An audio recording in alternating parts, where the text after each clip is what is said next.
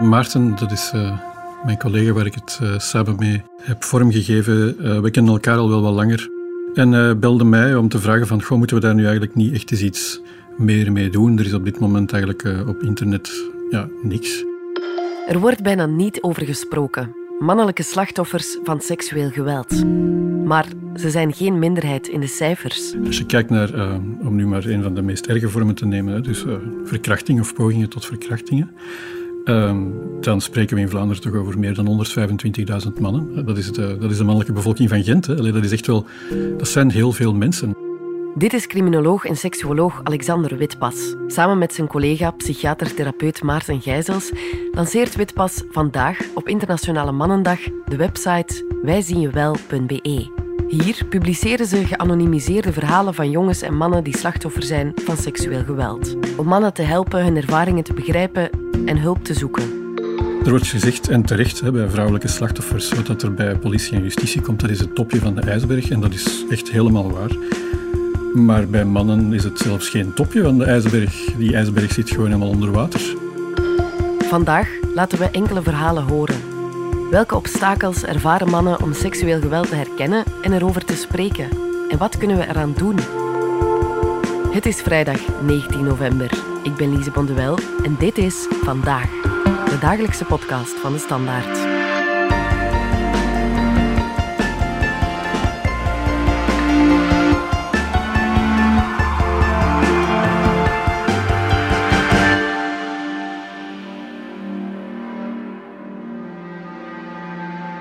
Als seksuoloog komt Alexander Witpas regelmatig in contact met mannen die slachtoffer werden van seksueel geweld. Iedereen die een praktijk heeft, komt heel veel mannen tegen die slachtoffer zijn van seksueel geweld. Maar dit is meestal niet onmiddellijk duidelijk. Die mannen die komen met allerlei klachten. Dat is bij vrouwen trouwens ook hetzelfde. Hè. Mensen, die hebben daar als gevolg van seksueel geweld allerlei soorten klachten. Somatische klachten, depressieve klachten, relatieproblemen. Ehm, de gevolgen van geweld zijn veel breder en ruimer dan uh, posttraumatische stressstoornis. En toch hebben we het idee dat dit bij mannen niet vaak voorkomt. Het is zeker zo dat er meer vrouwelijke slachtoffers zijn. Hè. Dat, is, uh, dat is duidelijk. Ongeveer twee keer zo groot. En dan is het idee zo van, ja, het zijn er minder, dus ze zijn minder belangrijk. Maar wat je niet mag vergeten, dat is dat er wel nog altijd gigantisch veel zijn. Voor de eerste keer hebben we nu ook echt cijfers over mannelijke slachtoffers in België. Ik doe al heel lang onderzoek naar seksueel uh, geweld. En eigenlijk was er in België nog geen uh, representatief prevalentieonderzoek geweest. Uit die verschillende onderzoeken hadden wij ook wat gevonden van eigenlijk wordt het geweld op mannen veel te weinig onderzocht en hebben we daar nog geen goede studie voor in België, maar ook bij andere groepen. Dit is Ines Kenjaar. Professor seksuele en reproductieve gezondheid aan de Universiteit Gent. Eh, binnen de onderzoeksgroep ICRH leid ik het gender- en geweldsteam. Om een goed beeld te krijgen hoe vaak mensen die in België verblijven aan seksueel geweld worden blootgesteld, voerde Kenjaar en haar team de voorbije vier jaar onderzoek. En dat is niet evident. Want als je bijvoorbeeld vraagt, ben je verkracht? Dan zijn er heel wat mensen die gaan zeggen, ja, nee, ik ben niet verkracht geweest, omdat ze denken, een verkrachting, dat wil zeggen dat, je, dat dat gebeurt door iemand die je niet kent eh, in het uitgangsleven, of iemand die uit de bosjes eh, springt, dat zal niet zijn eh, door iemand die je goed kent, bijvoorbeeld. Dus wij hebben vragen gesteld die heel specifiek waren. Bijvoorbeeld, van je, ben je zelf al eh, gedwongen om je lippen te zetten op bijvoorbeeld de penis van eh, iemand. Ze betrokken de hele Belgische bevolking tussen 16 en 100 jaar oud. En dan zagen we dat eigenlijk bij 81% van de vrouwen ehm, dat zij tijdens hun leven al een vorm van seksueel geweld hadden meegemaakt. En bij 48% van de mannen. Dus dat is eigenlijk bijna één op de twee mannen die dat ook aangeeft.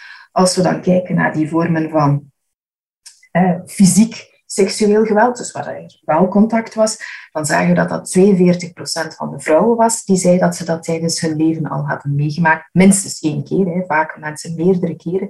En 19% van de mannen. Dus dat is toch eigenlijk ook één op de vijf mannen die dat um, uh, meemaakt. Dat gaat niet over een minderheid.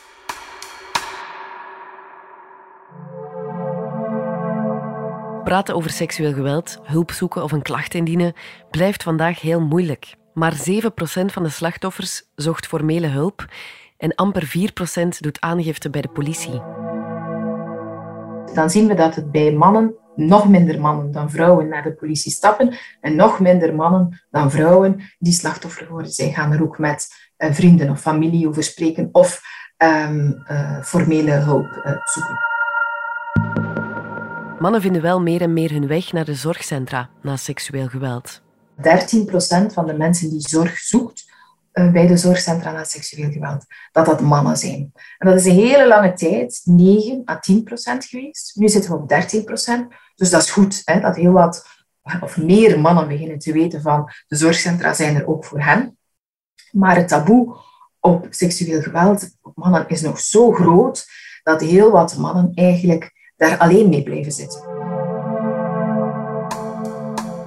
Waar komt dit taboe vandaan? Wat houdt mannen tegen om hulp te zoeken? We vragen het aan Alexander Witpas. Uh, ik denk dat een hele hoop factoren die voor vrouwelijke slachtoffers uh, gelden, dat die ook voor mannelijke slachtoffers gelden. Want vrouwelijke slachtoffers vinden het natuurlijk ook nog altijd heel moeilijk om erover te spreken. Daar moeten we duidelijk in zijn. De schaamte, uh, de angst voor escalatie, het idee van ik ga niet geloofd worden. Gewoon ook de stress waar je mee worstelt, andere problemen in je leven. Dus al die dingen spelen ook voor mannen. Maar ik denk dat het, wat dan specifiek eigenlijk voor mannen het probleem ook zeker is, dat is dat ze het um, niet kunnen plaatsen als uh, seksueel geweld of, of, of geweld uh, sowieso. Omdat het, het, het, verhaal of het beeld van een man die slachtoffer wordt van seksueel geweld van een mannelijke pleger of een vrouwelijke pleger, dat dat er eigenlijk niet is. Dat dat frame van uh, vrouw en slachtoffer, man en pleger, dat het er nog echt heel sterk in zit. Vrouwen zijn slachtoffers, mannen zijn daders. Op televisie, in films, in de krant. Dat is het beeld dat we meestal te zien krijgen. Ja, er is geen referentie, er is niks waar ze zichzelf mee kunnen vergelijken. Die verhalen worden zelden verteld. Um, en, en, daarom dat we dus ook die verhalen ergens op internet zetten, dat ze tenminste ergens naartoe kunnen gaan om te kijken van ja, wat heb ik hier nu meegemaakt, lijkt dat erop? Ja of nee? Dus voordat iemand naar buiten kan komen met een verhaal, moet die iemand eigenlijk wel doorhebben van wat er eigenlijk precies uh, gebeurd is. En ook dat dat niet zijn schuld is. Mannelijke slachtoffers leggen vaak de schuld bij zichzelf. Meer nog, sommigen denken dat zij grenzen hebben overschreden. Dit is het verhaal van Theo. Ik ben zes jaar en lig in bed. Buiten regent en stormt het. Ik ben bang voor de donder en de bliksem. Ik roep mijn zusje van dertien en vraag haar of ze bij mij in bed wil komen liggen en me wil vasthouden. Ze houdt me vast en blijft ook na het onweer liggen. Ze troost me en streelt me over mijn hele lichaam, ook over mijn penis en ballen, en dat voelt fijn. Ik streel haar ondertussen over haar haren. Ik voel me getroost en ben niet meer bang. Vanaf dat moment komt ze vaak bij me in bed liggen. We spelen doktertje onder de lakens. Eerst voelt het goed, maar dan vraagt en doet ze dingen die vreemd zijn voor mij. Ze steekt haar tong in mijn mond. Ze duwt mijn hoofd tussen haar benen en dan wil ze dat ik mijn mond over haar spleetje beweeg. Ik vind het vies. Zij vindt het wel fijn. Ze wordt een heel ander zusje die ik niet ken. Ik vraag haar of we nu geen vuile manieren aan het doen zijn. Ze lacht en zegt dat het juist heel fijn is, maar ik vind het vreemd. Ze duikt onder de lakens en gaat mijn penis ook zachtjes in haar mond bewegen. Na een tijdje komt mijn zusje niet meer bij mij in bed liggen. Ik heb weer iets verkeerds gedaan, denk ik dan. Maar we praten er nooit meer over. Dus bij alle slachtoffers van seksueel geweld, of toch bij een heel groot deel tenminste, um, zie je dat die worstelen met de vraag van ja, heb ik, wat heb ik daar nu eigenlijk zelf verkeerd gedaan? Uh, had ik daar iets aan kunnen doen? Um, dat is op zich een heel menselijk soort van reactie op, op iets ergs dat u overkomt. Uh, is dus ook niet waar natuurlijk. Het zijn plegers die verantwoordelijk zijn voor seksueel geweld, niet de slachtoffers. Maar dat is dus ook bij mannelijke slachtoffers zo. En daarom worstelen mannelijke slachtoffers met hun identiteit. Wie ben je eigenlijk als man en ook seksueel gezien als, je buiten die schema's valt die zo gangbaar zijn? Wat, wat, wat stel je dan nog voor? Wat kun je dan eigenlijk nog verwachten? Hoe moet je daar eigenlijk mee, mee omgaan? Zeker in het geval dat daar ook zo die, die, die onvrijwillige uh, lichamelijke reacties, hè, ze dan ook een erectie hebben gekregen, dat speelt inderdaad. Het, het, is natuurlijk, op zich is het, is het simpel als je op jonge leeftijd of op, in tienerleeftijd, als je in je seksuele ontwikkeling, of daarna trouwens ook, dat soort van geweld meemaakt, dan stoort dan een hele hoop zaken in de war. Niet alleen de vraag van ben ik homo, maar ook van ja, ben ik, uh, ben ik in staat om iemand te bevredigen? Ben ik eigenlijk in staat om nu in het vervolg, in de toekomst, mijn grenzen uh, af te bakenen? We zijn zo terug na de reclame. De wereld verandert sneller dan ooit. Blijf bij met de Enterprise Cloud van Workday. Eén systeem waarmee u continu plant voor elk what-if scenario. Workday, het finance, HR en planningssysteem voor een veranderende wereld. Waar je als vrouw de reactie krijgt dat je het zelf hebt gezocht, krijg je als man te horen dat je je niet had mogen laten doen. Heel wat mannen zijn ervan overtuigd dat ze hadden moeten terugvechten. Nochtans kan je je fysieke reactie tijdens seksueel geweld niet bewust kiezen. Relatief veel uh, mannen en vrouwen die slachtoffer worden van seksueel geweld, die merken dat hun lichaam, uh, die weten dat ze dat niet willen, maar die merken dat hun lichaam uh, reageert met biologische tekenen van opwinding. Dat wil zeggen, vrouwen die verkracht worden, die merken dat ze nat worden, of mannen die verkracht worden bijvoorbeeld, die merken dat ze wel iets van een erectie hebben. Dat is natuurlijk ongelooflijk verwarrend. Um, en dat wordt vaak trouwens ook wel uitgebuit door plegers, om te zeggen van, ja, zie je wel, je zegt wel nee, maar... Uh, maar toch, het moet duidelijk zijn, het blijft wel degelijk seksueel geweld. En het is niet omdat je lichaam iets doet, dat je er een toestemming hebt gegeven. Het voorbeeld dat ik dat altijd geef naar mensen is ook van, kijk, als ik u een, een, een, eh, een, stuk fruit, pak nu een perzik, en dat ding is duidelijk rot langs de ene kant, en ik verplicht u met geweld om te bijten in die perzik, uw speekselklieren gaan daar waarschijnlijk op reageren. Maar dat wil niet zeggen dat jij dan eigenlijk ergens diep van binnen zin had in een rotte perzik. Dat is, dat is een heel ander soort van register. Uh, seksueel geweld gaat over uw autonomie, gaat over kunnen zeggen van hier is mijn grens en hier stopt het. Niet over hoeveel zin of hoe weinig zin dat je hebt in seks of hoe opgewonden dat je lichaam is. Dit zorgt er ook voor dat wanneer jongens of mannen het slachtoffer worden van een vrouwelijke dader, er op een opvallende manier gereageerd wordt. Als je kijkt op sociale media, als er dan weer zo'n een item in de krant is van een, een, eh, een vrouw die seks heeft met minderjarigen, uh, dan is dat stevast zo, maar die heeft chance gehad, zo'n lerares wiskunde zou ik ook wel willen gehad hebben, et cetera, et cetera. Ja, terwijl dat, in de realiteit echt wel... Uh, nou ja, ik weet niet, ook niet veel mannen die dat soort van dingen hebben meegemaakt die daar achteraf zo blij mee zijn. Dit wordt het Lucky Boy-fenomeen genoemd. De man heeft seks, dus krijgt hij een high five van zijn maten. Daar is ook onderzoek naar gedaan trouwens. Hè. Dus eh, in Nederland hebben ze mensen, uh, mannen en vrouwen, een aantal scenario's voorgelegd waar dat de genders in verschillende fases... En het is heel duidelijk dat uh, mensen het idee hebben dat als mannen gelijkaardige vormen van seksueel geweld meemaken als vrouwen, dat ze inschatten van dat die daar minder schade van ondervinden of dat die dat zelfs fijn vinden. Nu, in de realiteit is dat natuurlijk niet het geval, zoals bij Wannes. Ik studeerde aan de hogeschool en zat net als de meesten op kot. Op een avond komt er een meisje uit mijn jaar aanbellen. Ik heb ze wel al een paar keer gezien, maar nooit gesproken. Het is half één en ik sta net op het punt om te gaan slapen. Ze heeft een vraag over een of andere taak die we moeten maken. Ik laat haar binnen. Ze wil blijven slapen en seks, maar geen relatie, want ze heeft al iemand. Ik ga dan naar de keuken om iets te drinken te halen en om tijd te winnen.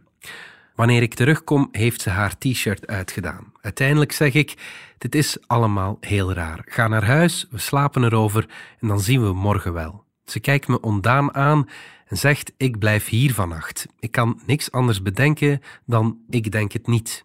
Ik ga naar mijn slaapkamer en ga ervan uit dat ze wel vertrekt. Ergens in de nacht word ik plots wakker en merk tot mijn ontzetting dat ze op mij zit, naakt.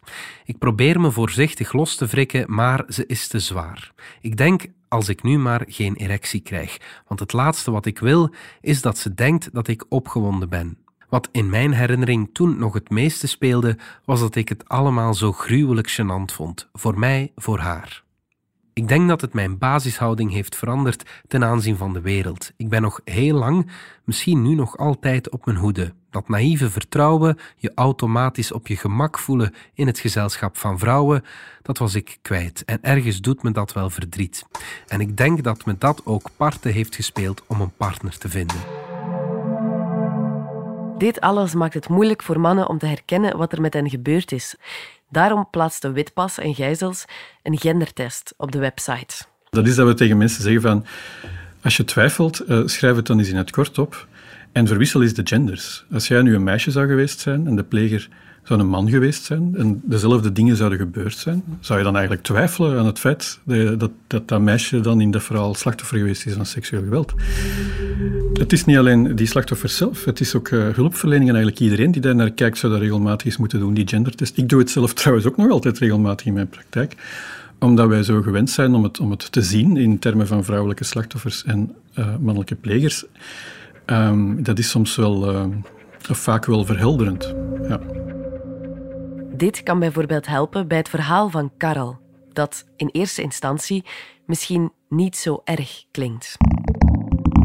Dit verhaal speelt zich af in het jaar dat ik 17 werd. Op een dag ga ik naar de winkel om boodschappen en onderweg kom ik een meisje van ongeveer mijn leeftijd tegen. We spreken af dat we elkaar zullen bellen. Ik denk dat ik instant verliefd was. Ik schrijf haar in een brief dat ik haar geweldig vind. Er komt geen reactie. Een paar maanden later zie ik haar van op een afstand. Mijn hart springt op en ik ga naar haar toe. Maar ze is helemaal niet meer vriendelijk. Ze doet koud en hatelijk en maakt me belachelijk tegenover haar vrienden. Ze begint mijn uiterlijk af te breken. Mijn vettig haar, mijn borsten die groter zijn dan die van haar, mijn korte beentjes. Dan begint ze erover dat ik in bed ook wel niks zal voorstellen, dat ik een klein pietje heb, dat ik geen enkele vrouw kan bevredigen en zeker haar niet. De daaropvolgende maanden kom ik haar verschillende keren tegen in mijn buurt, in het weekend, alleen of met vrienden. Het is alsof ze me opwacht en elke keer begint ze me uit te schelden en te vernederen. Maar haar verwijten zijn heel lang blijven hangen. Ik voel me nog altijd onzeker als het over mijn uiterlijk en over seks gaat. Als je die gendertest doet um, en het zou uh, ja, Carla of zoiets zijn, die uh, uh, ja, maanden aan een stuk, bijna elke week wordt achtervolgd door een groepje jongens die heel een tijd opmerkingen maken over haar borsten en over haar gat en weet ik veel allemaal en, en zeggen van bij u kan niemand klaar... Allee, er is geen mens ter wereld die eraan zou twijfelen dat dat seksuele intimidatie is. Uh, wel, ik heb zoiets van, ja, dan is het omgekeerd ook seksuele intimidatie. ik zou niet weten waarom dat het dan zoveel anders is. De gevolgen zijn volgens mij ook hetzelfde. U onveilig voelen, u aangetast voelen in uw, in uw integriteit. Allee, het idee van, ik kan mij hier niet meer bewegen binnen de maatschappij. Ik kan mij niet meer gerust of veilig voelen bij mijn seksualiteit of bij mijn lichaam. Ik durf niet meer naar buiten stappen om een partner te zoeken. Al dat soort van zaken. Dat is hetzelfde. Daarom is het ook zo belangrijk dat slachtoffers kunnen spreken over hun ervaringen. Als je slachtoffer wordt van seksueel geweld, heeft dat een aantal effecten. Dat betekent eigenlijk ook dat je de volgende keer dat zo'n situatie zich voordoet, eigenlijk wat weerlozer wordt, omdat je, omdat je systeem in, zo in die eh, fight, flight, freeze en vaak freeze-reactie gaat. Dus die, die kunnen zich eigenlijk ook niet zo, die kunnen daar ook niet zo echt goed op reageren, omdat ze het al eens hebben meegemaakt. Je zou denken dat soms dat omgekeerd is. Om slachtoffers te helpen om hulp te zoeken, moet er heel wat gebeuren. Ines Kenjaar en haar team stelden meer dan 50 aanbevelingen op. Een rode draad hierin is sensibilisering. Dus dat is zeker belangrijk dat we aan die sensibilisering doen. Dat we ook een opvoeding, aan onderwijs eh, en ook zeker in de zorgkant eh, maken dat die zorg toegankelijk is voor elk mogelijk eh, slachtoffer van gelijk welk gender, van gelijk welke leeftijd, met gelijk welke specifieke karakteristiek. We zien dan mensen die dan uh, een, een, seksuele oriëntatie hebben die anders is dan een hetero um, seksuele oriëntatie, dat zij ook kwetsbaarder zijn. Um, als je een legale status hebt die uh, ook minder is of beperkt is in een bepaalde vorm, heb je een beperking, heb je ook meer kans om slachtoffer te worden. Dus er zijn nog heel wat extra kwetsbaarheden waar we eigenlijk ook heel vaak de ogen voor eh, dicht doen. Hè. Volgens Witpas moeten we vooral niet wachten tot slachtoffers zelf hulp gaan zoeken. Ik denk dat het ook een verantwoordelijkheid is van, uh, van hulpverlenende instanties om niet alleen uh, te wachten tot uh, vrouwen, mannen daarmee komen, maar het ook gewoon echt ja, te bevragen. eigenlijk standaard aan alle mensen die zich aanbieden met hulp en klachten, omdat geweld dus ook op allerlei uh, domeinen van mensen hun leven een effect kan hebben. Dus ik denk aan relatieproblemen, ik denk aan middelengebruik, ik denk aan depressies, ik denk aan angsten, ik denk aan somatische klachten. Uh, dus ja, eigenlijk te gaan checken van, uh, is er je ooit iets overkomen op het gebied van seksualiteit? Bent u ooit slachtoffer geweest van misbruik? Al dat soort van zaken. Als je kijkt naar de cijfers, is dat geen gekke vraag. Dat is niet dat je zegt, van, je, weet dat die zijn met honderdduizenden, die zitten daartussen. Ik bedoel, dus, uh, of dat ze daar een antwoord op geven, dat is nog een andere kwestie. Maar minstens heb je dan als hulpverlener en als organisatie duidelijk getoond van kijk, wij zijn er ons van bewust dat dat in grote getalen aanwezig is in de maatschappij, dat ook veel mannen daar slachtoffer worden. En uh, dat wij daar open voor staan als je daarover wilt vertellen. Als dat dan op die moment zelf niet gebeurt, dan gebeurt het misschien ook op een ander moment. Met de website wijzienuwel.be hebben Witpas en Gijzels dan ook maar één doel. Dat is dat jongens en mannen die nu met vragen zitten, die het lastig hebben en zich afvragen van wat is er daar nu eigenlijk gebeurd, um, dat die daar naartoe gaan, een aantal verhalen lezen en misschien voor het eerst het gevoel krijgen van ja, ik ben niet een of andere rare freak dat dat is overkomen. Er zijn nog mensen dat dat is overkomen, ook mannen en jongens, die zitten ook met een aantal vragen daarover, een aantal uh, bezorgdheden en dat dat een wat ja, gemoedsrust geeft of wat erkenning, zodanig dat ze daar verder iets mee kunnen doen. Dat lijkt misschien ongelooflijk basic, maar toch blijft dat ongelooflijk belangrijk om ergens voor jezelf te kunnen zeggen en te kunnen voelen: ik ben niet de enige die dit meemaakt. Er zijn nog mensen die dit hebben meegemaakt. Er is nog een andere persoon op de wereld die dat zou kunnen begrijpen wat er mij overkomen is. Um, ja, als, dat, als dat het alleen al... Er is veel meer nodig natuurlijk. Maar als dat zou kunnen, dan zouden wij denk ik al heel erg tevreden zijn. Dit was Vandaag, de dagelijkse podcast van de Standaard. Als je slachtoffer bent geweest van seksueel geweld of vragen hebt, kan je op elk moment terecht bij de zorgcentra na seksueel geweld. Ter plaatse, per telefoon of via de chatfunctie. Alle informatie vind je op www.seksueelgeweld.be. Bedankt voor het luisteren. Ken je trouwens DS Podcast al, de podcast-app van de Standaard? Daar luister je niet alleen naar onze journalistieke reeksen, je krijgt ook elke week een eigenhandige selectie van de beste nieuwe podcasts op de markt. Alle credits van de podcast die je net hoorde vind je op standaard.be-podcast.